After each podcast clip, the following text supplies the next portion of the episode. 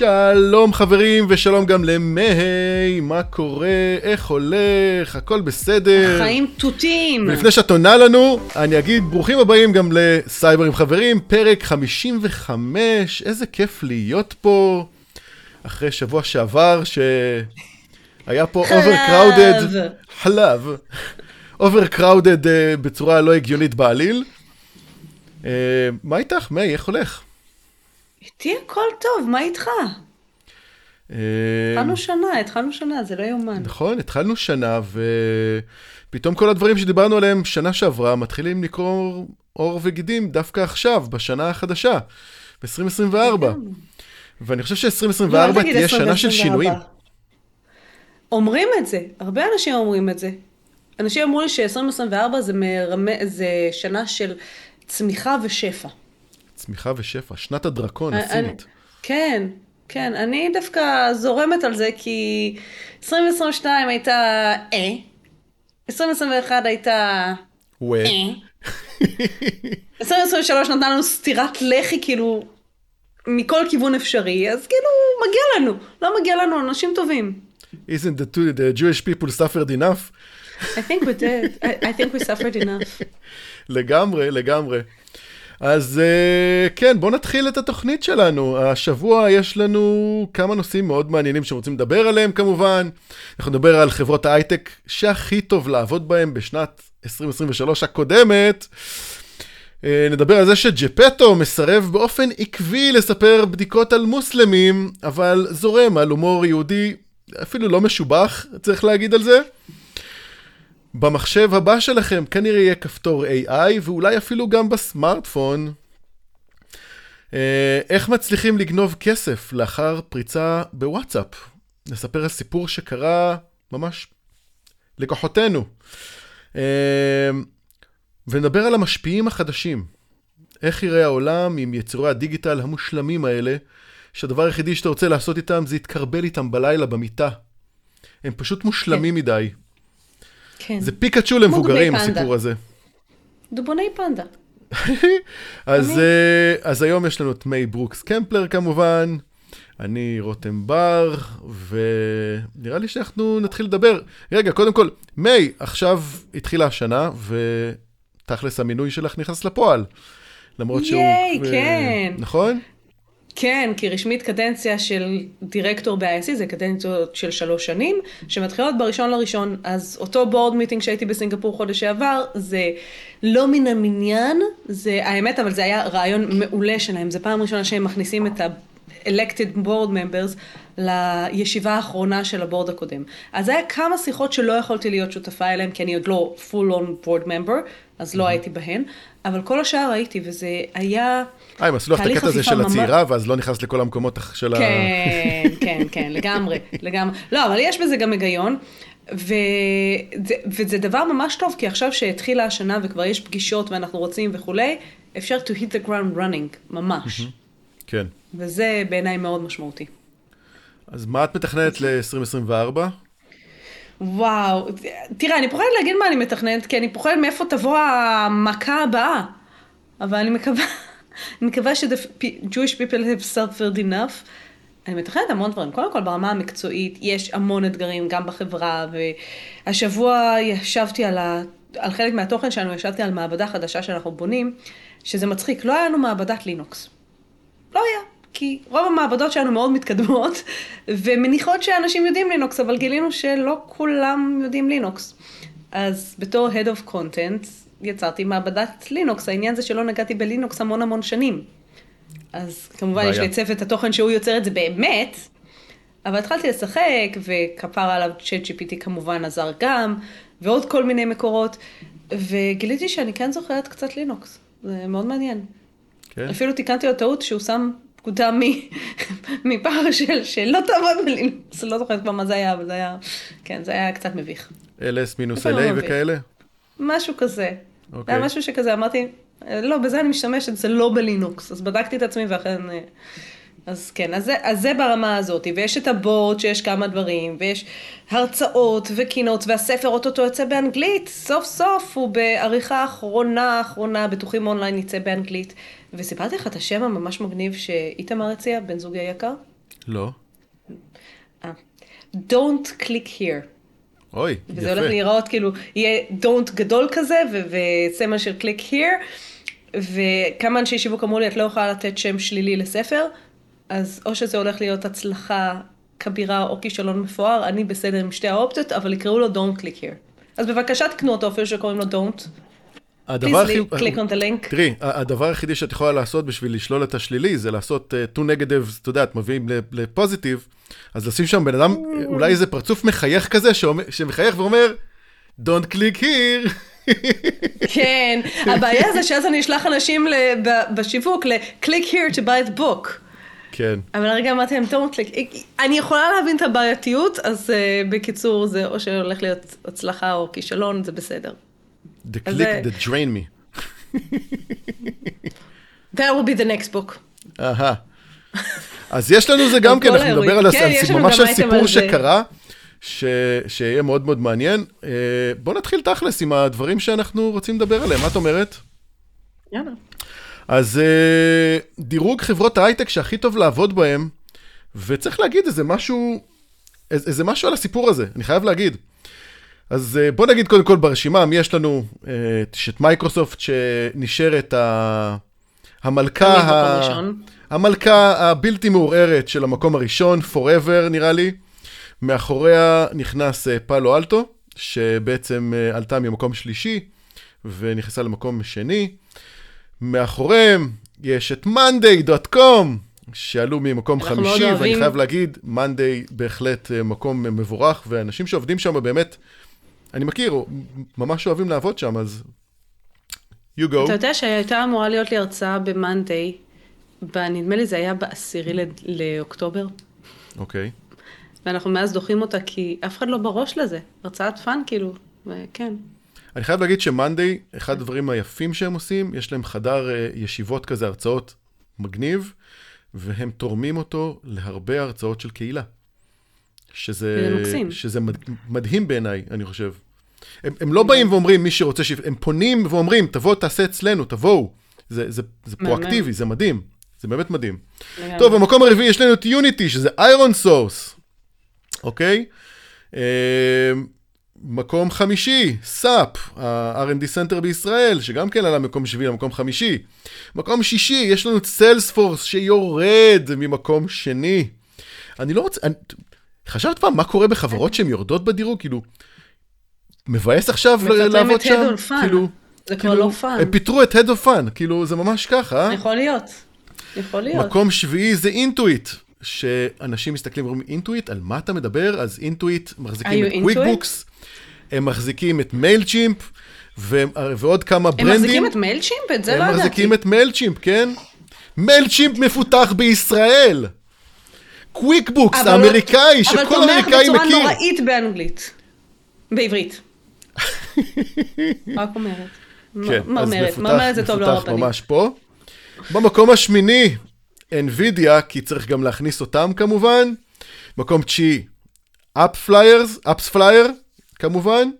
ו... ומקום עשירי, פנאיה. אמ, שזה, אני, אני באופן אישי לא מכיר את פנאיה, את מכירה את פנאיה? האמת שלא. פעם ראשונה נתקלתי ב- ברשימה הזאת. אוקיי. ו? זה בסדר. אני לא, לא מכירה אותם, לא יודעת להגיד עליהם שום דבר חכם.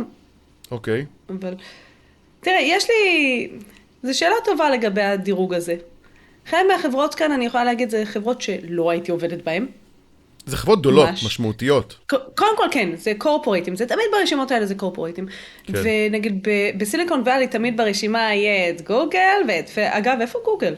איפה גוגל? איפה פייסבוק? הופה. הופה, הופה. אה, אני לא, לא, לא נכנסה, אבל גוגל, פייסבוק, מייקרוסופט, המגלשה כאלה- המפורסמת של גוגל. המגלשה המפורסמת. אבל אני אגיד לך מה, זה חברות שמצד אחד אתה בא עושה בהן קדנציה, אתה בוחר את התפקיד הבא. אתה בוחר את התפקיד הבא, אתה נכון. ב... זה משכורות נורא גבוהות, זה אתגרים. כן. זה גם קורפורט, יש לזה יתרונות וחסרונות לכל אחד, כן. לאן שהוא לוקח את זה. מצד שני, זה, א', זה לא מתאים לכל אחד, ב', זה חברות שדורשות המון, המון, וזה בסדר, הן גם משלמות בהתאם.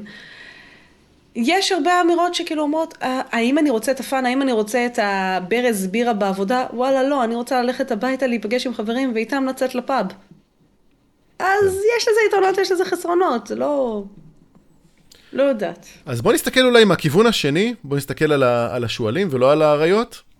אז uh, המדד של סטארט-אפים שהכי טוב לעבוד בהם, שיש בהם לפחות 100 עובדים, כן?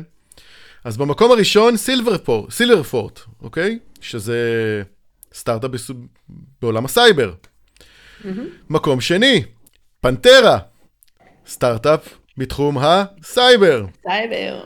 מקום שלישי, HoneyBook, פינטק, אוקיי? נותן uh, פלטפורמה לעסקים uh, קטנים uh, בארצות הברית, שזה גם נחמד.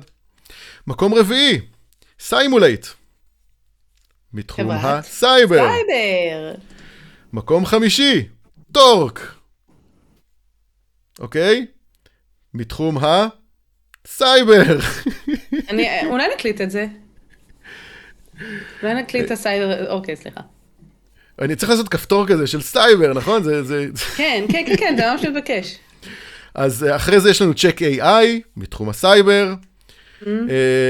Carbyne, mm-hmm. uh, אחר כך. צ'טבוטים וכלים uh, להצלת חיים.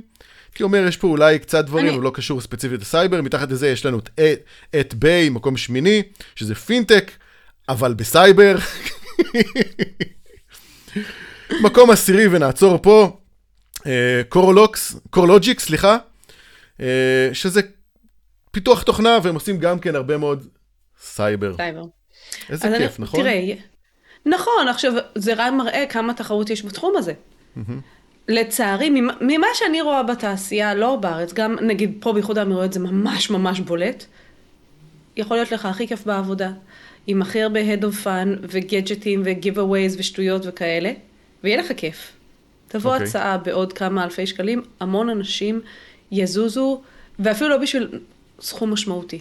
וזה, אז אני לא מזלזלת בבוא נעשה fun בעבודה, ובסוף אנחנו מבלים המון שעות בעבודה, וכן, יש משהו נורא נורא כיפי בלקבל את המתנות, ושמתייחסים אליך יפה, ושיש נופש חברה, ושיש תנאים לעבוד, אגב, זה נשמע נורא טריוויאלי, אבל לצערי זה לא.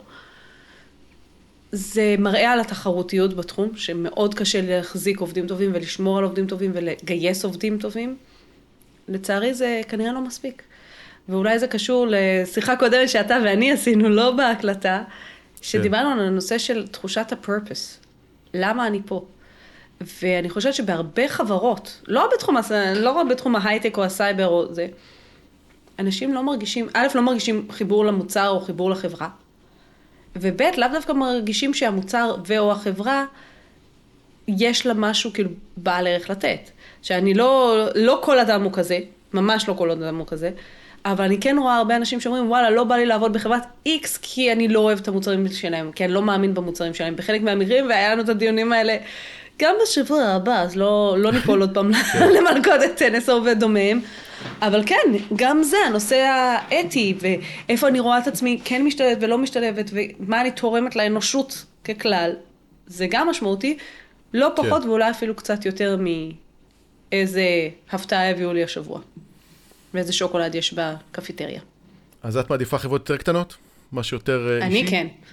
אני, אני לא בן אדם של corporate. אני, כל פעם זה שיחה שיש לנו בבית הרבה, כי בן זוגי הוא מאוד איש corporate ואני מאוד לא. אני אוהבת סטארט-אפים, נאבקים, כולם עושים הכל, יום אחד אתה איש סייבר, שעתיים אחרי זה אתה איש marketing, שלוש שעות אחרי זה אתה עושה כספים, הכל בסדר. אז בוא ניתן לך את הדירוג הסטארט-אפים שהכי טוב לעבוד בהם עד 100 עובדים. עוד פעם, אנחנו בדירוג של Dun's 100, או. כן? שאולי okay. זה אוקיי. יותר uh, ייתן לך משהו ככה. אז המקום ראשון. סייבר? טיטור, IL, אוקיי? HealthTech, אוקיי? מקום שני, No Traffic, mobility, מה שקשור ל mobility management. מספר שלוש, עוד פעם, זה חברות סטארט-אפ קטנות, עד 100 עובדים. עד 100. אוקיי? Talon Cyber Security, אוקיי? מפתח. הדפדפן מובטח לארגונים. Cynerio, אוקיי? מערכות שקשורות להגנה מסייבר במערכות uh, רפואיות. Ibex Medical Analytics, אוקיי? ביוטקס, אוקיי? AI, BioTech וכן הלאה. מקום שישי, וואו, פעם ראשונה אנחנו רואים בזה, D-ID. היא חברה שעוסקת ב-Generative AI, מי שלא מכיר, היא מייצרת תוכן ויזואלי ו- ו- וקולי שקשור ל-AI, ויש להם פלטפורמה, וזה, וזה מדהים, מדהים. לגמרי. חבר'ה, ישראלים. PlainID uh, סייבר, Jit, סטארט-אפ סייבר, אוקיי? ומקום תשיעי, Addionics, עושה uh, דברים שקשורים ל energy, אוקיי? כל מה שקשור לפיתוח חשמל, דברים, uh, אנרגיה ירוקה וכן הלאה. מקום עשירי, ונראה לי נעצור את זה, שזה חברת Mine, שהיא עושה privacy בכלל, uh, שזה מדהים, איזה כיף. אז אם את רוצה ומחפשת, תמיד, תמיד יש מקומות uh, uh, לעבוד בהם, גם נכון. בחברות קטנות. אז אם בא לך, תחזור לארץ ולעבוד באיזה סטארט-אפ קטן. מה עם מרחוק? לא רוצים איזה יועצת אסטרטגית מרחוק, כן, אה? משהו נחמד כזה. זה דווקא בא, אגב, זה באמת בא לי. זה באמת בא לי, זה כיף. נכון, זה לתת זה אה, כיף, ייעוץ סטארט-אפים. ותעזבו אותי. לא, גם אה, לעבוד עם סטארט-אפים בתחילת הדרך זה נורא כיף. זה ממש נורא כיף. כיף. אני כמה זה- וכמה שנים מחיי עשיתי את זה, ואני עכשיו חוזר מדהים. לזה, וסטארט-אפים, יש בהם אש ו- ומשהו מיוחד באנשים, שהם הם כל הזמן מייצרים, וכל הזמן עובדים, והמוח כל הזמן עובד, וזה כל הזמן, וזה בהבדיל בחברה שהיא corporate גדול, שיש לך נכון. slot מאוד מאוד קטן, ואסור לך לצאת מה slot הזה, כי מישהו יכעס, ומישהו יתעצבן. ו... וזה עניין ו- של אופי בסוף, זה לא יותר טוב או פחות טוב, זה עניין של אופי, כל אחד, איפה הוא- נכון. איפה הוא פורח, מה נכון. מתאים לו. נכון. כן. יש כאלה שהסטרס של סטארט-אפ הורג אותם, כאילו, וגם זה בסדר. ויש כאלה שהסטרס של חברה גדולה הורג אותם, כי הוא סטרס הרבה יותר משמעותי, גדול ו- ו- וקריטי. כן. לא בסקופ של החברה תיפול או תקרוס, אלא אתה צריך לעמוד במיליון דדליינים לא הגיוניים, נכון. ו- וכל מיני, אה, אה, לא יודע, מביאים לך כל מיני ברז כאלה לעלות ועוד יותר ועוד יותר, ואתה מוצא את עצמך שאתה התחתנת עם החברה ולא עם אשתך. או התחתנת נכון. עם, עם החברה ולא עם בעלך. כן. אבל יש גם יתרונות, ואני חייב להגיד, לפני כמה זמן פנה אליי. חבר ובא ואמר לי שהוא עובד בסטארט-אפ, והציעו לו לעבוד בחברה גדולה, והוא שוקל על זה עוד פעם בתפקיד משמעותי, לא איזה מישהו קטן, ואז אמרתי לו, יש הרבה יתרונות בלעבוד בתפ... בתפקיד כזה בחברה גדולה, ואחד היתרונות הוא שאם אתה מגדיר לעצמך שתעבוד במשך שנתיים או שלוש, זה יכול להיות אחלה אה, בית ספר, לקחת אחר כך את אותו סטארט-אפ או כל מה שתרצה לעשות ולהרים אותו. כי יש את האנרציה כשאתה עובד בחברה גדולה וכל המערכות, ואתה רץ בצורה מאוד מאוד כזאתי, אז בכל מקום אחר שאתה עובר אליו, אתה, אתה עובר עם אנרציה ואתה מנסה ש... ועם תהליכים. נכון, זה מדהים. אז אה, זה יכול להיות פתרון אה, יחסית קל ופשוט. לגמרי, אני חושבת שבכלל לעבור כמה תעשיות ולעבור כמה סוגי חברות, זה הסיבה שאני אומרת להרבה אנשים, תהיו תקופה יועצים. תראו הרבה דברים. כן. כי אתה לא רוצה כל שנה סרוויס, לעבוד תפקיד. זה אחלה. בית ספר. אחלה בית ספר. לגמרי, לגמרי. כן. ואגב, בתי ספר, את לימדת הרבה, הרבה סיסואים ב- בתחילת דרכם, נכון? כן, אני עדיין מדי פעם, אני קוראת לזה מילואים, אבל אני עדיין מדי פעם מרצה בקורסי סיסו, ו- וזה נורא כיף. אנחנו שנינו זה- כביכול הרצינו באותה מכללה, בתקופה, ב- בתקופה, באותה תקופה אפילו, אני חושב. כן, ב-C כן. לגמרי. ב-C Security, והשבוע היה לי, שבוע שעבר את עשית שם. את ה-CSSP, נכון? אני עשיתי את זה, אני עשיתי, בוא נדייק, אני את C Security הכרתי ב-Hacking Defined Experts, ה- המחזור השני, בדיוק לפני 20 שנה. דצמבר לפני 20 שנה. וואו, איזה זה כיף. 20 לחודש. אז אה, כשבאתי ללמוד את ה-CSSP זה היה סגירת מעגל כיפית כזאת עם אה, וייסמן, בכלל באתי ללמוד סיסו והוא לא הסכים להכניס אותי לקורס סיסו. אמר לי, זה היית צריכה לעשות לפני חמש שנים, אני לא מכניס אותך עכשיו לסיסו, תעשי CSSP. זה כל כך מתאים. צדק, צדק. היה מרוויח יותר כסף אם הוא היה נותן לי את סיסו, בסדר. זה לא משנה לו, זה זה הבן אדם. לא. זה בן אדם שעובד עם לגמרי, לב. זה. כן. שמע, הוא אמר לי אז, אני יכול להכניס אותך לקורס סיסו, את תשתעממי, ואת תפריעי, צודק, צודק. אז יש לו פה ואת יכולה אינטרס. ללמד את הקורס, כן, ברור. לא, הוא אמר, ואת יכולה ללמד את הקורס הזה. ואני אמרתי לו, מה פתאום, וזה... בוא, זה לפני עשר שנים, לא היה לי את הביטחון שיש לי היום, לא היה לי את הניסיון, וגם לא הבנתי כמה ניסיון בעצם יש לי. ואז עשיתי את ה-CSSP כי הוא לחץ עליי, ומיד, לדעתי כמה ימים אחרי שעברתי את הבחינה, הוא אמר לי, יאללה, מתי את מתחילה ללמד? כן. ו- אני. גם אחרי. שסיימתי ללמד, סליחה, ללמוד את הקורס אה, של הסיסו, זמן מאוד מאוד קצר הגיע והוא כבר, אה, קיבלתי את הטלפון והוא אמר לי, בוא, בוא, בוא. כן, יש לו עין, לגמרי. יש לו עין לאנשים טובים. כן. לגמרי. טוב, בואו נדבר על הדבר הבא שלנו. כזה, רציתי לעשות. אז uh, GPT, שזה הצ'טבוט הכי פופולרי שלנו היום, מסרב, באופ... מסרב באופן עקבי לספר בדיחות על מוסלמים. כן. איי, אני אגב לא האמנתי לזה, ראיתי את זה בהתחלה ואז ניסיתי. שלל בדיחות על. יהודים, על רבנים, אבל פחות כשזה נוגע למוסלמים ואימם. אני חייב להגיד שהסיבה היא כנראה שהמידע שהוא אומן עליו היה עם המון בדיחות יהודיות ומשמעותית פחות על מוסליות, מוסלמיות. אפשר להגיד שהאמריקאים מכירים טוב מאוד את המושג בדיחה יהודית, ויהודים אמריקאים משתמשים בזה כל כך כל כך הרבה. מצד שני, המושג בדיחה מוסלמית לא נמצא בעגה האמריקאית הקלאסית, שבוא נגיד, בוא נשים על השולחן, OpenAI, רוב התוכן שהוא למד ממנו זה היה באנגלית אמריקאית. אמ, אז מה כן נמצא בצורה מאוד, מאוד, מאוד פופולרית? התקפות של מוסלמים על מי שפרסם בדיחות על הנביא שלהם. זה עוד...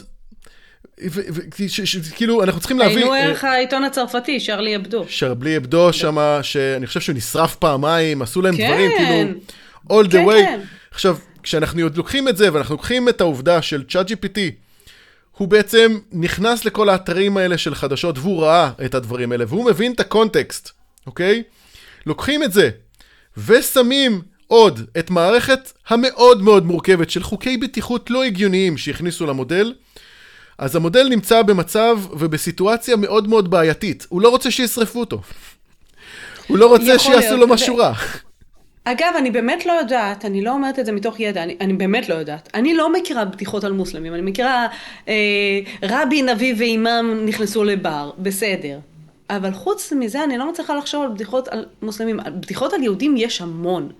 אנחנו גם מאוד נוטים לצחוק על עצמנו. כעם. אז כעם, כן. כעם. יש המון המון בדיחות, יש ספרים שלמים של, אה, איך קוראים לזה? נו, אה, הרשלה. כן. משלי הרשלה. זה משהו מאוד מוטמע בתרבות היהודית. אני לא יודעת להגיד האם יש דברים כאלה בתרבות המוסלמית, כן או לא. אני באמת, אולי אשאל את אחד החבר'ה שלי פה, אבל זה, זה באמת מעניין. האם בכלל יש כאלה, או שאנחנו רוצים ואומרים, אה, הוא לא יודע לצחוק על עצמו. אולי באמת אין כאלה בדיחות, אני לא יודעת. תראי, גם, גם בדיחות יהודיות זה משהו שהחזיק אותנו כל כך הרבה שנים בגולה, בהרבה כן. מקומות. אני זוכר שפעם מישהו סיפר לי למה אה, משה, שלחו אותו ביאור. ואז אתה מסתכלת כאילו, למה? כי יהודי אף פעם לא זורק שום דבר שעובד. זה כאילו, זה, זה, זה דברים כאלה שאת מסתכלת, אומרת, אוקיי, זה בדיחה, זה חמוד. זה, זה לא משהו שמכניס אותנו כיהודים לאיזשהו מסגרת, זה כאילו, זה אבל- בדיחה חמודה שאפשר לשייך, יהודי יגיד את זה, זה כמו שבארצות הברית, אה, אה, אה, ברמת הפוליטיקלי קורקט, מגזרים מסוימים מסוגלים לקרוא לעצמם בכל מיני שמות מסוימים, וזה בסדר, ומגזרים אחרים לא. זה בסדר גמור, אין שום בעיה עם זה. אתה יודע וכשאנחנו מה, זה כמו מסתכלים על אחת זה, ההרצאות שלי. יש לי הרצאה, אני לא יודעת אם ראית אותה פעם, יש לי הרצאה שקוראים לה מיידלה, על הצד הלא סקסי של הרשתות. ככה קוראים לה אוקיי. מיידלה. וכששמתי לה את השם, אני לא זוכרת כבר מי, אמר לי, יצלבו אותך. אמרתי, לי מותר לקרוא להרצאה מיידלה. כן, אישה, לך אסור. יהודייה. אישה יהודייה. אז לי, אפילו ממוצא אשכנזי, אז מותר לי לקרוא לזה מיידלה. אני יודעת איזה שש מילים ביידיש, אז מותר לי. אבל, אבל זה ככה, זה כמו שאני ארד על אוכל פולני מפה עד להודעה חדשה, אבל אם מרוקאי יעז לרדת על אוכל פולני, אני אצעק עליו. כן. אבל ה-GPT, אין לו לאום, אז הוא... אין לו כלום. מסתבר שיש לו, הוא יהודי, אתה לא רואה? טוב, אז, אז אה, כן. שווה אולי להגיד את זה, אבל בסופו של דבר, הדבר היחידי שצ'אט GPT מאפשר לנו לעשות, זה בעצם לקבל תמונת מראה של המין האנושי. לפעמים התמונה מעודכנת, ולפעמים לאו. לא תמיד אפשר להבין ממתי התמונת מראה הזאת נוצרה. אנחנו כבני אדם תמיד מייחסים את זה לכאן ועכשיו, הנה עכשיו, רשמתי ועכשיו נתן לי תשובה. אבל חשוב להבין שצ'אט GPT בנוי על תוכן שאנשים כתבו אותו, שחשבו שזה לגיטימי לצבות בישבן של בחורה ולקרוא לה מיידלה. או שסיגריות זה התרופה היעילה ביותר לסרטן. בעולם האקדמיה יש מושג שקוראים לו גולד סטנדרט, שזה תקן שנדרש ממי שעושים מחקרים ורוצה התייחסות אמיתית למה שהוא עשה. למשל, אה, מחקרים רפואיים לפנות, לפני שנות ה-90, העליזות שצריך להגיד, צריך למחוק אותם מההיסטוריה שלנו. זה לא קיים, אוקיי? כי אחרי המחקר הארוך והמאוד מאוד יפה ומתועד, החוקר סיכם איך שהוא רוצה, ולא לפי מה שקרה במחקר. אני חושב שהמחקר הכי מפורסם שזה קרה, זה שעשו את המחקר על מה צריך לאכול, וחוקר אמריקאי אמר, אל תאכלו שומן, כי זה לא טוב, אוקיי? ומאז אנחנו חיים בעולם של דל שומן, שזה הזוי מבחינתי. זה לא נכון, זה לא נכון בעליל, אבל לא נורא. זה, זה אחד הסיבות שמאותו רגע אנשים התחילו למות מכל מיני מחלות מוזרות. וסליחה, והקשר בין אוטיזם וחיסונים? שגם החוקר אמר, לא, לא נכון, לא, הכל בסדר, אין קשר כזה, לא נמצא קשר כזה, אבל אז, אז, אז זה נורא תלוי מאיזה שנה עושים את המחקרים האלה, כן, כן. כי גם, גם כשאנחנו מסתכלים בעולם שלנו על... אה, יש לנו את משרד הבריאות ויש לנו חברות, אז גם לבוא ולהכניס חיסונים היום, אותו מחקר צריך לעמוד באותו gold standard של איך הם עשו את המחקר, double blind, אה, מי עשה את, ה, את, ה, את המחקר, איך הוא מומן, מה היו התוצאות כמובן, ולראות שאין, שיש בהם עקביות ואפשר לש- לשכפל אותם. והכי הכי חשוב מהדברים האלה שרוצים לקחת את, ה, את המושג הכי קל, זה כמה ציטוטים היה לאותו מחקר במחקרים אחרים. זאת אומרת שחוקרים אחרים רואים במחקר הזה בתור וראו. משהו אמיתי. והדברים האלה כמובן אפשר להיכנס לגוגל סקולר, אני באופן אישי מנוי בחינם, כן, זה לא עולה כסף, אבל אני מנוי בגוגל סקולר ומחפש שם המון המון דברים, ומגלה המון המון דברים שאני לא ידעתי. ואחד הדברים שאני רוצה, שאני יכול לדעת, אם, אם מישהו רוצה לדעת אם אני אלחץ על לינק או לא אלחץ על לינק, זה כמה ציטוטים יש לו. נכון. ולרוב המחקרים יש ציטוט 2, 3, 5, 10 בבודדים האלה. ה- היותר פופולריים יהיה באלפים. ו, ואז אפשר להבין באמת שזה, שזה מחקר שהוא... הרבה נתנו לו את, את הדעת והרבה ציטטו אותו ואמרו, כשמצטטים, זה, זה, מישהו משתמש במחקר הזה גושפנקה. כ, כדוגמה במחקר שלו, שזה משהו חיובי. כן, אגב, מה שאמרת עכשיו זה משהו שאני מניחה שכל מי שעשה תואר אקדמי כזה או אחר יודע. זה כן. משהו די בסיסי. אבל זה כבר קשור גם שיחה שהייתה לנו בעבר, השיחה של uh, Data Integrity, של מידע אמין מול מידע זמין, איך אנחנו מלמדים את הילדים שלנו. ובדיוק, uh, ממש לפני כמה ימים ראיתי שמישהי כתבה uh, את, מה זה היה? אה, עדיף uh, כישלון מפואר מחלומות במגירה, וציטטה, אני, ברח לי עכשיו איזה זמר שם את זה בשיר שלו לא מזמן. אבל הציטוט הוא של תיאודור רוזלוולט. מבחינתה זה ציטוט של הזמר. עכשיו זה, זה מצחיק, זו דוגמה כאילו נורא נורא קטנה, אבל זה ככה, אנחנו מתייחסים לדברים שאנחנו רואים בגוגל או בג'פטו כעובדות. איפה האימות נתונים שלנו, איפה הבדיקה שלנו, מאיפה זה הגיע, דווקא גוגל סקולר זה דוגמה מעולה לאיך לדעת האם מחקר הוא ממוחי הקודח, או אשכרה משהו שפורסם אז- וצוטט ו... אז אחד הדברים היפים שגוגל הצליחו לעשות בברד, הם הצליחו להוסיף לו כפתור fact checked. ואז הוא יכול לקחת את כל התשובה שהוא קיבל, שהוא נתן לך, כאילו, קחי את הכל, אבל אם את רוצה לבדוק את ה... עד כמה זה באמת אמיתי, כל הסיפור הזה, אז יש שם כפתור שהוא באמת יכול לקחת, והוא יכול להגיד לך איפה המקורות של הדברים האלה, שתוכלי את לבדוק. הוא לא יגיד לך אם זה אמיתי או לא אמיתי, כן. הוא יג- יגיד לך מה המקורות, או בסבירות גבוהה מה הדבר הזה. כי אין באמת אמת, אמת זה משהו, זה אשליה. כן. אמת, אמת היא אשליה. זה רק עניין של השקפה. אז כשלוקחים את כל הידע הזה ומבינים שצ'אט GPT, ברד וכל האחרים, למדו מאותם מחקרים, מבינים שכמו שהוא, כמו שהוא, הוא לא יודע מתי המחקר הזה נוצר, למרות שזה כתוב. מבחינתו, כל הטקסטים ש- שנתנו לו בתאריך הלמידה, הם כולם שווים. גם הרעים וגם הטובים. וזו פונקציה חשובה לדעת. עכשיו, העניין הזה עם בדיחות, אה, זה לא משהו כזה משמעותי, וזה לא משהו גדול, וזה לא, אם מישהו היה בא ואומר לי, תקשיב, הוא לא מספר בדיחות על זה, וכן מספר בדיחות, בואו, זה לא... זה זה לא צ'טבוט זה עם כל הכבוד. שלו. זה לא באמת מעניין אותי, אבל צריך להבין שבסופו של דבר, כשאנחנו מגיעים למקומות כאלה, הסט כלים שלנו, בתור מפעילים שלו, הוא צריך להיות סט כלים של, אם אני לא מקבל את התשובה שאני רוצה לקבל, אני אשאל בצורה אחרת. אז uh, הרבה אנשים התחילו לשאול את, את ChatGPT, אוקיי, אל תספר לי בדיחה על מוסלמים, תספר לי בדיחה קלה, או בדיחה, בדיחה שהיא לא מעליבה אף אחד על, על מוסלמים. והוא ענה, והוא נתן בדיחות. בדיחות קרש, לא מצחיקות, שלא משנה באיזה צורה עושים את זה, זה, זה, זה לא רלוונטי, אבל הוא נתן את התשובה, שזה המהות שלו בסופו של דבר.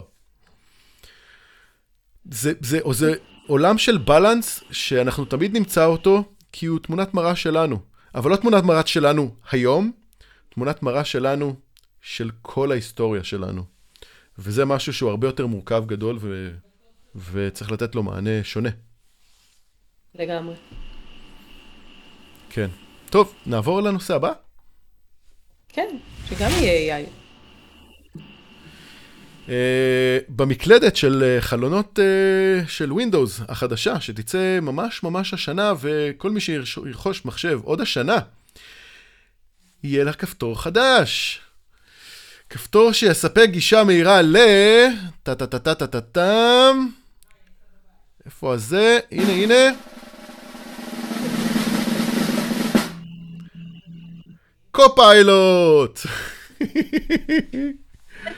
למה אני... טוב, אוקיי, לא משנה.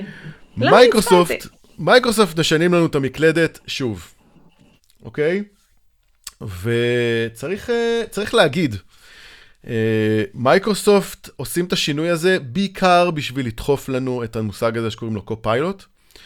אה, ובוא נשאל שאלה אחרת, תראי, אני, אני כבר עברתי ל Mac, אבל מיי, את עדיין משתמשת ב Windows. כמה פעם, מתי פעם אחרונה לחצת על הכפתור של ה start? לא יודעת. לא, לא, לא, לא שזכור לי. לא זכור לך? על הכפתור Windows כן. זה ה Windows, זה שפותח את ה start. כן, לא, זה אני משתמשת, כן. מדי פעם, לא, אבל, דברים, אבל למה את משתמשת בו? על ה Bixby שלו. אה, כי, כי זה הכי קל. לא יודעת, כי זה הכי קל, עשו לך shortcut עם הכפתור הזה, נכון? כן, כן. אבל מה אני צריכה לקרוא? אבל אתה יודע מה זה מזכיר לי? השבוע היה לי, אה, חטפתי את העצבים קשות מאוד על אחת החברות שבדרך כלל אני מאוד אוהבת, שזה אמזון. וחטפתי את הקריזה ממש ממש ממש על קינדל. למה? כשטסנו לחו"ל, סיפרתי את זה בשבוע שעבר, נפלתי, שברתי את הפלאפון, ריסקתי אותו לחלוטין, הייתי חסרת מכשיר סלולרי לחמישה ימים כי היינו בצפון תאילנד באיזה חור עולם. סבבה. אמרתי, מה אני אעשה בערב? משעמם לי. לקחתי לאיתמר את הטלפון, כי הוא היה עם הקינדל שלו, את... ובקינדל שלו באתי, מצאתי איזה ספר שאהבתי, סבבה. חזרתי חזרה לאמירויות, פתחתי את הקינדל היפה שלי, שיש לי אותו הרבה מאוד שנים, ולא השתמשתי בו באמת בשנה האחרונה לדעתי, וניסיתי להעלות לו את קובץ, את הספר. לא מסכים. ניסיתי לחבר אותו לאינטרנט, לא מסכים. ורב איתי, ואיתמר אומר לי, לא, זה כי קרה לו משהו. אמרתי לו, מה קרה? הוא ישב במגרע, הוא עובד, הנה, ספרים אחרים עובדים, הכל תקין. נכנסנו יפה לגוגל חברנו, שאלנו אותו מה קרה לקינדל שלי, מסתבר שבסוף 2022, קינדל, אמזון, הרגו את כל הדגמים הישנים, אי אפשר לחבר אותם לאינטרנט, אי אפשר להוריד עליהם ספרים חדשים, אי אפשר לקנות להם, אפשר לקרוא את מה שיש לך על, על הקינדל. עכשיו, המכשיר הוא מ-2012, הוא עובד פצצה, הוא לא עשה שום דבר רע לאף אחד חוץ מזה שהוא ישן והם יכולים לבקש ממני לקנות אחד חדש. אז לדעתי הם עכשיו יוסיפו לנו עוד כפתור כדי שנקנה מקלדת חדשה. כשהיא תתקלקל אני אקנה מקלדת חדשה, אבל כאילו, כן, כזה. אה, כן. פינת המרמרת. את האמת, אני חושב בש... באזור השנים האלה, 2012, משהו כזה, גם אני קניתי שני טאבלטים כאלה של 8 אה, אינץ' או 10 אינץ' לילדים, וממש לפני כמה חודשים מצאנו את אחד מהם, והפעלנו אותו, והוא גם נדלק. הסוללה שלו לא מחזיקה אולי, אני חושב, איזה חמש דקות, אבל הוא נדלק, oh. אבל uh, הסיכוי לשים שם משהו היה... לא, ה Kindle עובד, שתבין, קראתי עכשיו ספר אחר, כאילו פתחתי, עובד סבבה, זה מה שמעצבן אותי, כי בוא, Kindle זה e-book, זה לא, זה לא ה Kindle Fire, זה מעצמה, זה Kindle כן, Kindle. וזה סתם עצבן אותי, וגם זה, כפתור חדש, א', אני באמת לא מבינה, על הכפתור של הסטארט, של הווינדוס, אני מבינה, הוא באמת מקצר לי, ובימים שאני רק עם, שאני לא מסע עם העכבר לידי, אז אפשר לעשות כמעט הכל דרכו, סבבה. את לוחצת גם על כפתור השני? למה יש את הכפתור כפתור? מה זה הכפתור השני? אז יש מצד אחד את הכפתור של סטארט, מצד שני יש את הכפתור של פרופרטיז. אה, לא, לא, לא, אני אשתמש בו עכשיו, לך מפה. לא. מעולם לא השתמשת בו. לא, לא, השתמשתי בו כן, אבל לא. לא. יש הרבה דברים פה שאני לא כל כך משתמשת בהם. לא, האמת, מה אני לא משתמשת? סקרולוק, מעולם לא הבנתי למה אני צריכה סקרולוק, זה ממש מעצבן. תהרגו את הכפתור הזה. כאילו, במ... הפוז, אני לא יודעת אפילו מה, אני לא יודעת מה הוא אמור לעצור. האינסרט, למה אני צריכה את האינסרט? למה אני צריכה שלא יהיה אינסרט? למה אני צריכה למחוק לעצמי את הת... למה? ואז אתה לוחץ עליו בטעות, ואז אתה מקליט ולא שם לב, ואז אתה מוחק לעצמך את כל המשפט. למה? בקיצור, כן. יש גם את החום לעוד טיפים על עיצוב מקלדות. כן. דברו איתי. לגמרי. אז uh, אני חייב להגיד שלי יש uh, מכשיר טלפון סמסונג, ויש לו כפתור ביגסבי. אני לא משתמש בו. יש לו כפתור ביקסבי? יש כפתור ביגסבי בצד. למה? אני אפילו לא משתמש בביגסבי. אני לא חושבת שאי פעם נגעתי בביגסבי. אבל, אבל למה? כדי שכאילו נוח. זה יהיה מהיר? כן. אני חושב שהקונספט של, ה- של הכפתור היה נחמד, זה שלא תצטרכי להגיד ושהוא כאילו יאזין לך. אני לא רוצה. לא רוצה שהוא יאזין לי, לא רוצה שהוא יהיה פה, לא רוצה שהוא יזמין בשבילי בית ברבי. זה הגיע לתזמין את בית ברבי. אמ, כן, כזה. ולפעמים, כאילו, אני הכי אדפטור של טכנולוגי, אבל אתם מציקים לי. זה מזכיר לי שעד לא מזמן, לפני שנתיים בערך, הייתי יכולה להגיד משהו כמו, אלכסה, אורדר דייפרס, או משהו כזה, ואז זה היה מזמין. איזה כיף. ואז מישהו מאוד מאוד חכם. אמר את זה בתוכנית טלוויזיה בבוקר, ומלא אנשים הזמינו דייפרס שהם לא צריכים. וכמובן, אה, אמזון באו ואמרו, אנחנו נזכה אתכם, אל תדאגו, סליחה, הכל בסדר, זה... אין שום בעיה. ואז אמזון אה, החליטו שהם יעשו את המגבלה. are you sure? האם אתה בטוח? אבל אפשר לעשות את זה יותר קל. לאלקסה שלי קוראים זיגי וזהו. גם יכול להיות, גם יכול להיות מעניין. אבל אתה יודע מה הבעיה. איתו. אני אומרת לו זיגי פליי גיטר, שבגלל זה קראתי לו זיגי.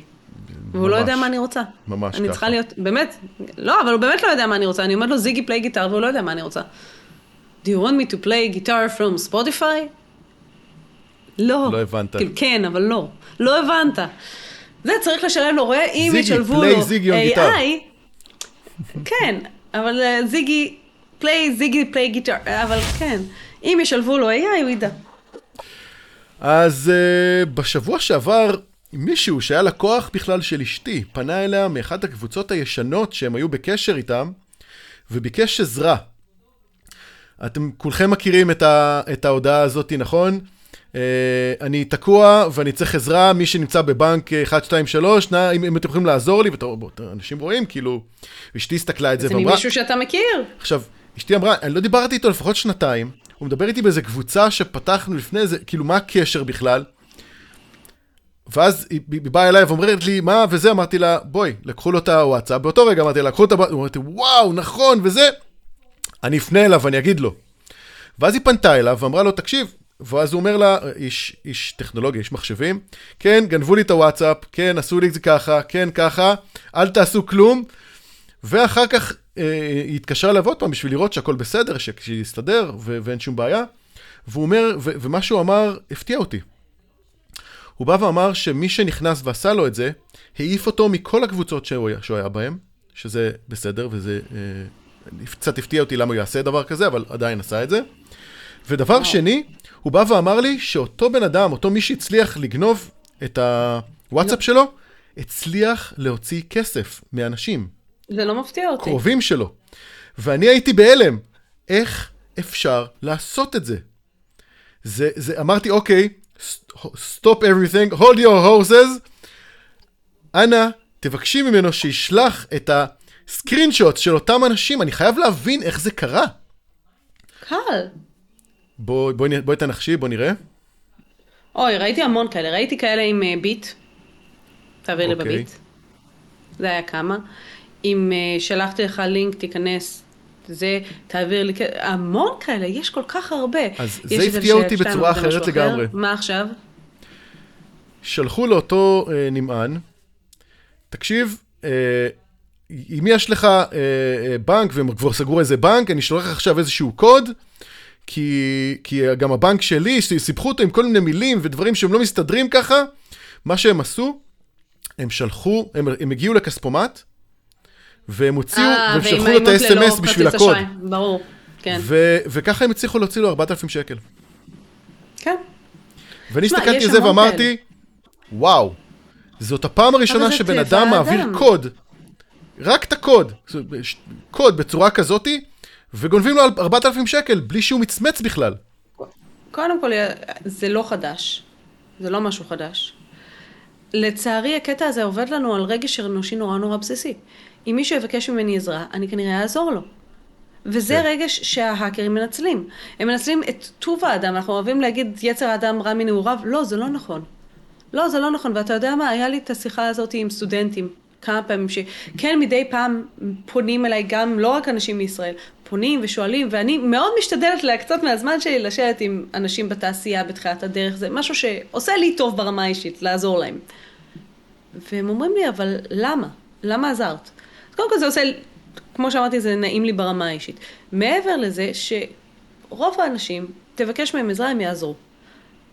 העניין זה שרוב האנשים מתביישים ולא פונים ולא שואלים, אז הם לא מקבלים את העזרה. נכון. אבל האקרים גילו את זה מזמן. אם אני אבוא ואכתוב, עכשיו זה מגיע ממישהו שאני מכירה, למה שאני לא אחשוד? למה שאם הוא כותב, תקשיב, אני צריך את העזרה שלך, שלחתי לך שנייה משהו, תחזיר לי, למה שאני לא אעשה את זה? נכון. רוב האנשים שהם לא אנשי סייבר, הם לא חשדנים. אגב, גם אנשי סייבר נופלים בזה, אני יכולה לגלות לך. אני יכול להגיד שהיה לי מקרה במשפחה, שאחד הדודים שלח אה, אלף דולר בדואר. שלח אלף דולר בדואר, זה היה לפני כמה שנים. ל...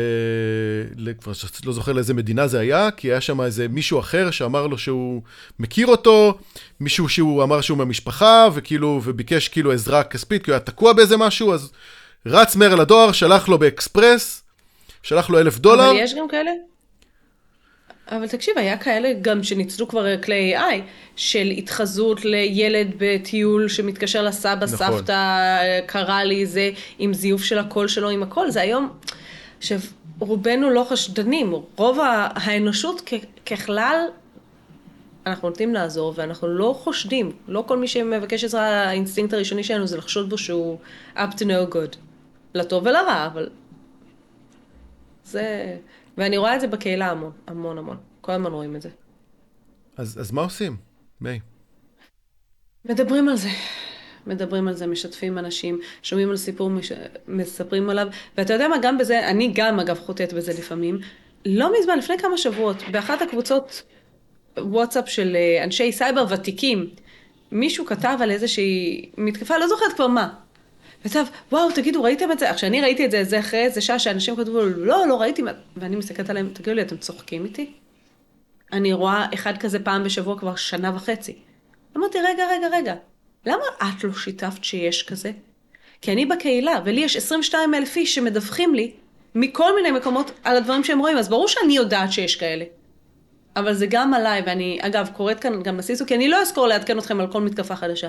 כנסו לבטוחים אונליין, לא אומרת תהיו שם כל היום, כל הלילה, גם אני לא שם. לא הייתי שם, בחודש האחרון, אם הייתי שעה במצטבר בחודש האחרון, זה הרבה. זה לא משנה, זה חמש דקות, כאילו ביום אני מסתכלת מה קרה, אני מסתכלת על טרנדים. כשיש, את, כשיש מתקפה שאני רואה עוד פעם ועוד פעם ועוד פעם, אז נגיד בתקופה של אלנה היינו שולחים התראות ללקוחות על זה. אז זה גם עלינו כסיסואים, לבוא ולהסתכל ולראות את הדברים האלה, ולדבר, ולדבר עם המשפחות שלנו, ולדבר עם הילדים שלנו, ולדבר עם החברים שלנו. כמה פעמים ראינו מתקפות כאלה בוואטסאפ, שנכנסות בבית ספר ממישהו, זה יכול להיות תלמיד או מורה, ואז מגיעות לכל בית הספר, כל הקבוצות, כל הכיתות. כן, אז זה עלינו, כן. לתעשייה. אז uh, זה פשוט מדהים איך... תראי, כל הזמן אנשים שואלים אותי, למה שמישהו ייקח לי את הוואטסאפ? למה שמישהו uh, יפרוץ לי? אגב, למה שיעשו. לי? ואני בדרך כלל בא לאנשים ואומר להם, הבעיה שלכם זה שאתם מגבילים את עצמכם לדמיון שלכם. לאנשים שפורצים אין בעיה דמיון, הם באים לעשות עבודה. והם באים ויש להם אינטרס מאוד מאוד ספציפי, הם באים לעשות אותו, ואם אתם תיפלו, זה יעלה לכם, יכאב לכם, זה לא מעניין אף אחד. וברגע ששואלים את השאלה הזאתי, למה שמישהו יטרח ויגנוב לי את הוואטסאפ, ומצד שני,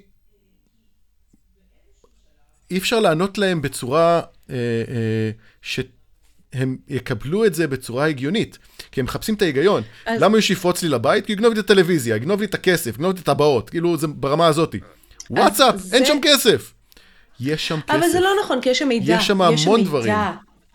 יש שם מידע ויש שם אנשי קשר ויש שם פוטנציאל לעשות עוד הונאות שכן יביאו לכסף. ולפעמים זה שלב ראשון ולפעמים זה יכול להוביל לסחיטה. ולפ... זה באמת, יש כאן המון המון סיבות למה לפרוץ לוואטסאפ או לפייסבוק או לאינסטגרם או ללינקדאין או לכל דבר אחר. ואנשים שוכחים שהרבה פעמים לא הם המטרה, אלא זה הוכחת יכולות. וזה כבר קשור למשהו שנגיד במילה, לא יודעת אם אה, דיברנו על זה לדעתי, היה השבוע סקר שהרבה אמרו, סקר של גוגל, תצביעו האם יקראו לזה בגוגל ארת ישראל או פלסטין. א', הדבר הזה רץ עשר שנים לדעתי, מדי פעם מרים את ראשו האתר הזה, בגרסה כזו או אחרת. ב', אם תסתכלו, יש לזה גם אינדיה או פקיסטן, יוקריין או ראשה, יש לזה כל מיני גרסאות. גוגל לא, ואין לה שום אינטרס לעשות סקר כזה, היא לא תעשה סקר על איך יקראו למדינה כי היא מתבססת על עובדות ועל הסכמים בינלאומיים ולא על סקר באינטרנט. מה גם שזה בכלל לא יושב בגוגל האתר הזה, זה בכלל אתר שיושב נדמה לי בליטא, בדקתי את הדומיין, נדמה לי שהפעם הגרסה הנוכחית היא בליטא, אבל אנשים אמרו לי, אוקיי, אבל, אבל מה קרה אז? נכנסתי וזה. לא קרה כלום. אני אגלה לכם, לא קרה כלום. כרגע. גם כל ההגרלות האלה, תלחץ כאן, תמלא את הפרטים שלך ואולי תלחץ בטסלה חדשה. לא, זה לא, הלינק לא זדוני, לא הדבקת את המחשב ברנסומר, אז מה בכל זאת הבעיה שלי עם האתרים האלה? נתת את הפרטים שלך, נתת את ה-device שלך. מרצון. נתת, כמובן, מרצון. הם לא היו צריכים לשלם על זה. בסקר הזה, בדיוק, נגיד בסקר הזה של Palestine uh, ישראל, לא היה לקיחת פרטים. אבל עדיין נכנסתי מ-Device מסוים, הם יכולים להראות traffic, הם יודעים להניע אנשים, הרבה פעמים, לאו דווקא במקרה הזה בכלל, זה צעד ראשון באיזושהי מלחמת תודעה. במקרה של הסקר הזה זה גם מגיע עם איזשהו מלל כזה מאוד מתסיס, השמאל רגע, כבר העביר את זה, רגע, הזה כבר זה. ש- שנייה רגע. את מי זה משרת? הצד השני. בואי נשים, בוא נשים דברים אחרת. אפשר לזהות אותך אם נכנסת לאתר. יש היום פיקסל, ברור. ויש היום גוגל, ברור. ויש היום מיליון ואחת טכנולוגיות. ואז אפשר. שברגע שנכנסת לשם, אפשר לתייג אותך. ממש לתייג אותך. בשנייה שנכנסתי, בדיוק. ואז להראות לי פרסומות רלוונטיות, או להראות לי דברים רלוונטיים. עכשיו, במקרה הזה, זה יכול לדוגמה לשמש כמלחמה, כמלחמת תודעה נגד ישראל. קודם כל, עצם העובדה שאני רואה טקסט מתסיס כזה, זה כבר מעלה עוד פעם את השמאל, ימין, מהפכה, לא מהפכה, אחים או אויבים וכולי. ב', כשאני רואה במסך מה פי 14 איש הצביעו לפלסטין מאשר, מאשר לנו, אז זה נורא מחליש. שלא לדבר על השלב הבא של פיקסל וכולי. אני אפילו לא מדברת על זה בשלב הזה. אז כל הדברים האלה שאנחנו אומרים, אה, מה קרה? כולה לחצתי על... קרה. קרה הרבה. ואתם אפילו לא שמים לב. וכשאחר כך אנחנו רואים שהמחיר של טיסות עלה ואנחנו לא מבינים למה, זה כי כבר נכנסתם שלוש פעמים ובדקתם את התאריכים האלה, ונכנסתם גם לאתר אחר, ונכנסתם גם לראות חופשה, ונכנסתם גם לראות Booking והמלצות בלמטייל, ו ו ו ו ו ולא, גוגל לא צריכים להקשיב למה שאנחנו אומרים. גם פייסבוק, אין להם מיקרופון קטן ששומע, הם לא צריכים. אנחנו נותנים להם את כל המידע בעצמנו. כן. כל הזמן. אמ, אפרופו זה, דרך אגב, אה, חברת האינטרנט קוקס האמריקאית פרסמה בצורה פתוחה וגלויה שהיא מאזינה ללקוחות שלה. זה לא נושא להיום, אנחנו לא, לא נדבר, זה היה לפני כמה, לפני איזה חודשיים. היא מאזינה ללקוחות. אוקיי. שלה, קוראים לזה Active Listening, ואחד הסיבות שהם עושים את זה, היה כתוב, כי אף אחד לא קורא את, ה, את החוזים הארוכים האלה שמאשרים. אז uh, לקוחות מאשרים את זה, ואז אפשר להגיע לזה, ו... אבל ופתאום, מה זה ייתן להם? ו- אני, ו- ו- באמת... וכשחושבים על זה, זה לא נותן להם כלום חוץ מפוזה. אם אני אומר עכשיו אה, לאשתי, בא לי לצאת, אה, לטוס ליוון, אוקיי? או לתאילנד לצורך העניין, והם הקשיבו ושמעו את זה, זה סבבה, זה נחמד מאוד, הם היו צריכים להקשיב לכל כך הרבה שטויות עד אז. בדיוק. ומצד שני, אם נכנסתי וחיפשתי חופשה, יוון, זה הרבה יותר סיכוי. משמעותי, כי אני מדבר כל כך הרבה. אז נכון, כן, LLM יכול לעשות את הדבר הזה נורא נורא קל, אבל בואי.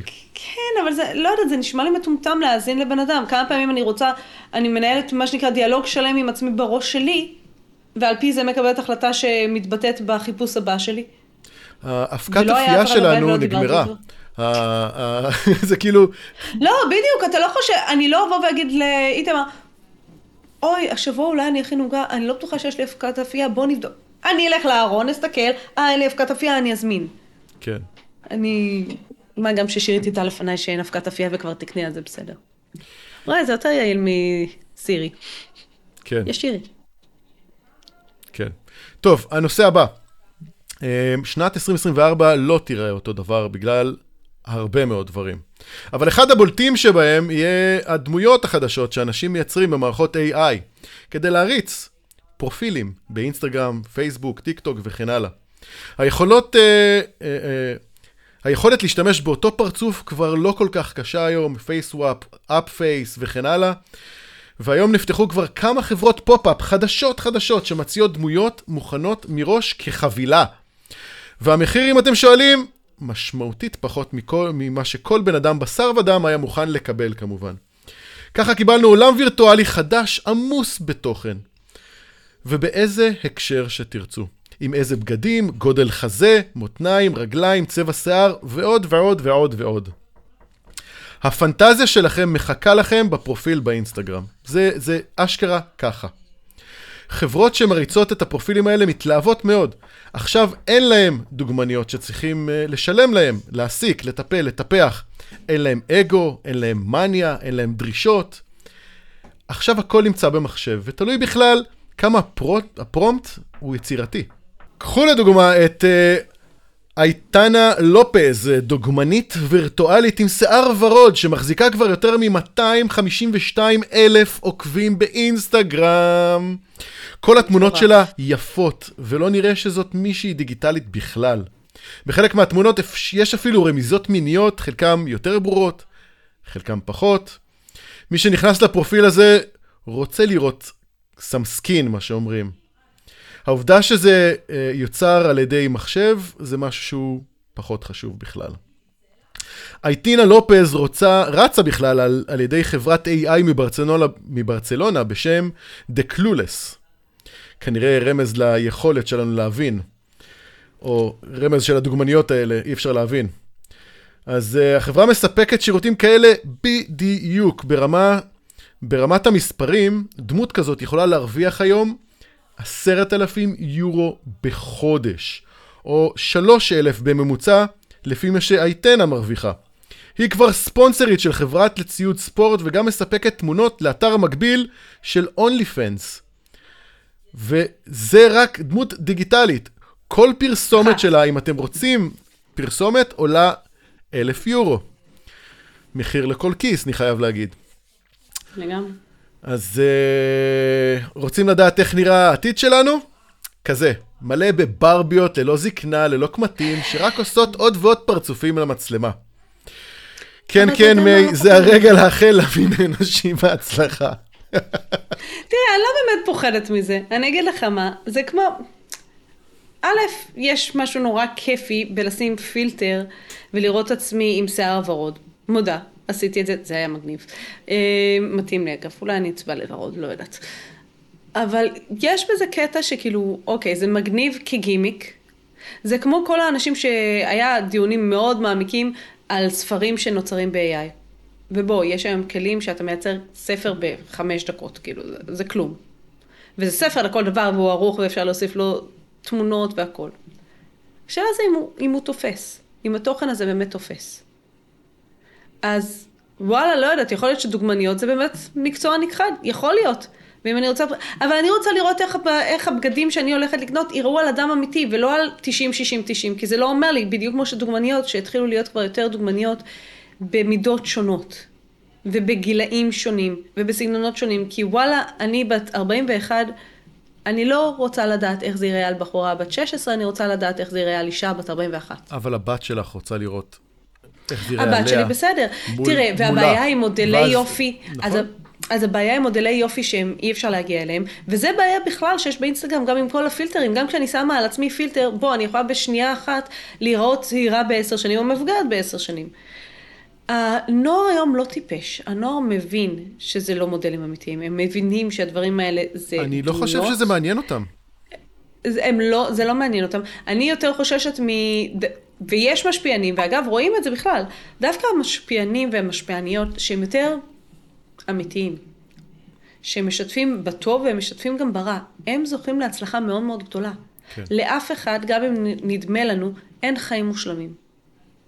אז אולי יש לי, לא יודעת מה, ציפורן דוקרנית, או שהיום האיפור לא הסתדר לי, או שהפלתי את הטלפון שלי על הרצפה. לכל אחד יש צרות, לא משנה מי אתה. כן. והמשפיענים שבאמת תופסים קהל רחב, זה בדרך כלל אלה שמשתפים בחיים האמיתיים שלהם, לא רק בטוב. נכון. אני לא אומרת מאה אחוז, אז אני...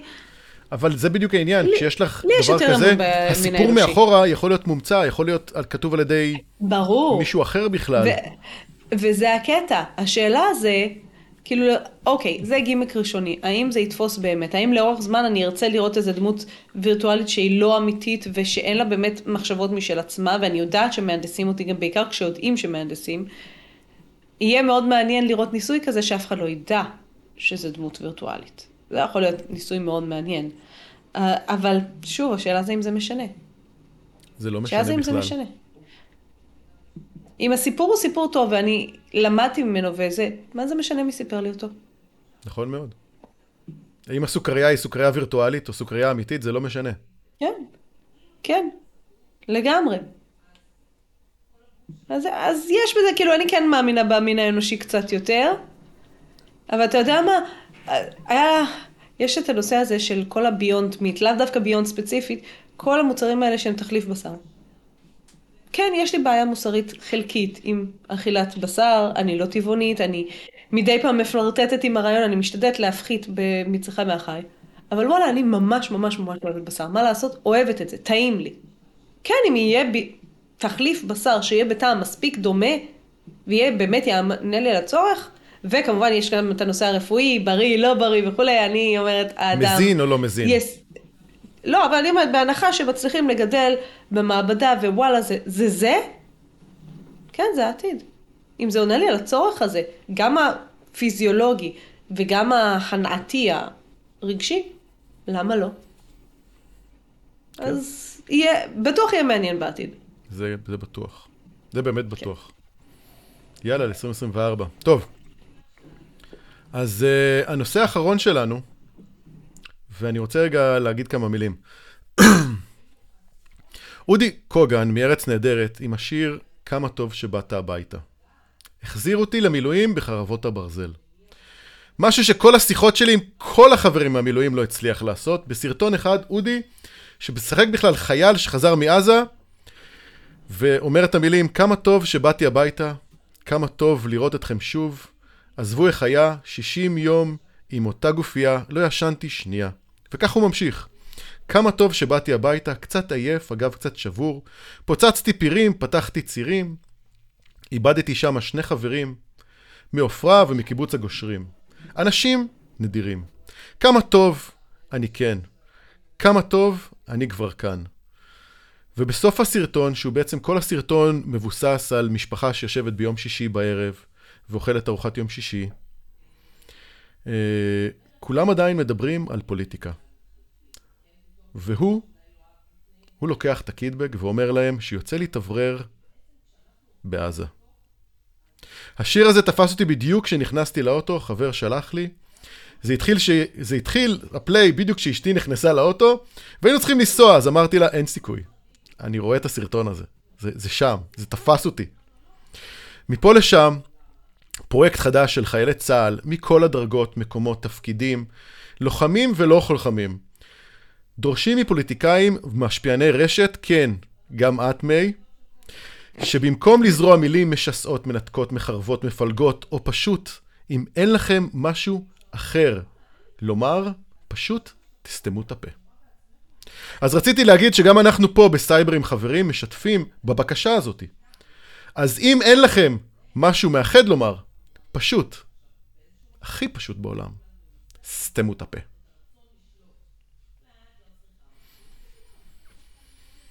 אז זהו, זה, זה הכל להיום.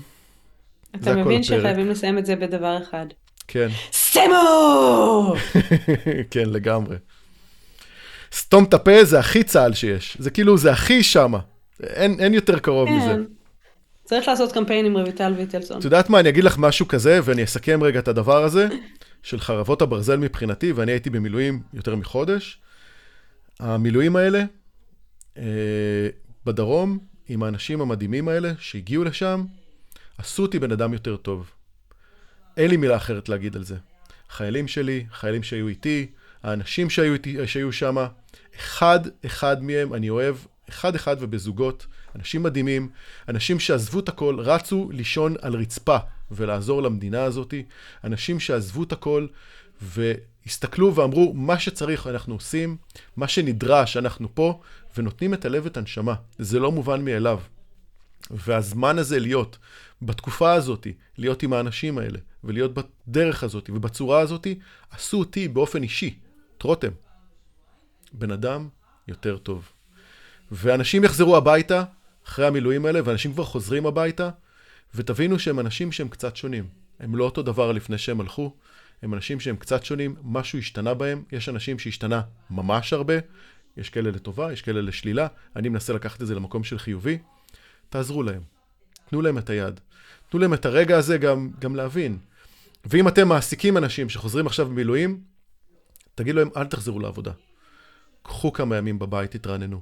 לי באופן אישי לקח כמעט שבוע להתנתק מה-state of mind הזה של עזה, ולהגיע לדבר הזה שקוראים לו אזרחות, אנשים, עבודה, משימות בסיסיות בבית אפילו.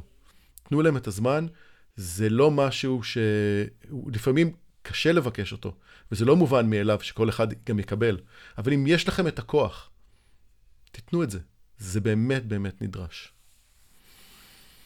ואני רק להגיד תודה. לך ולכולם.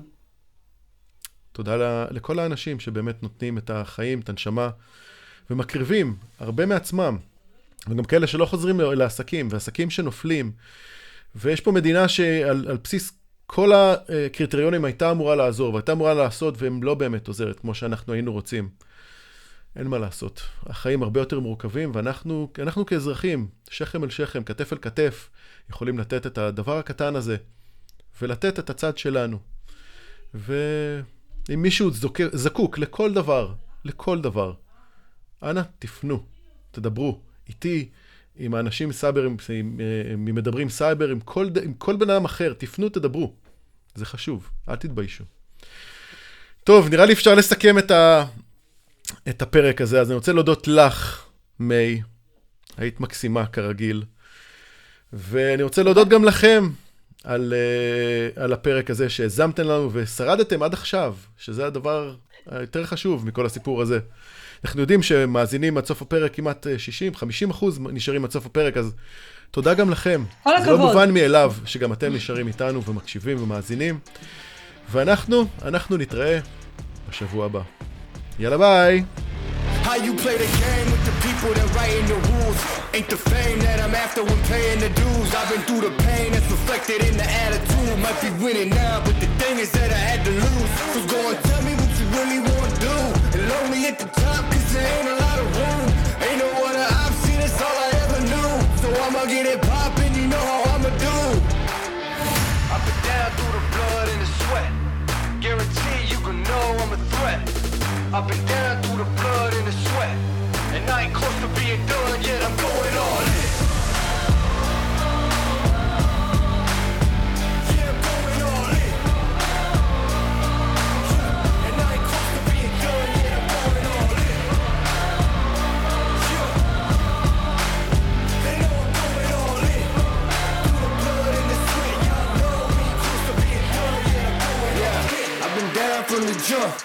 Ain't no love lost, we just really doing us.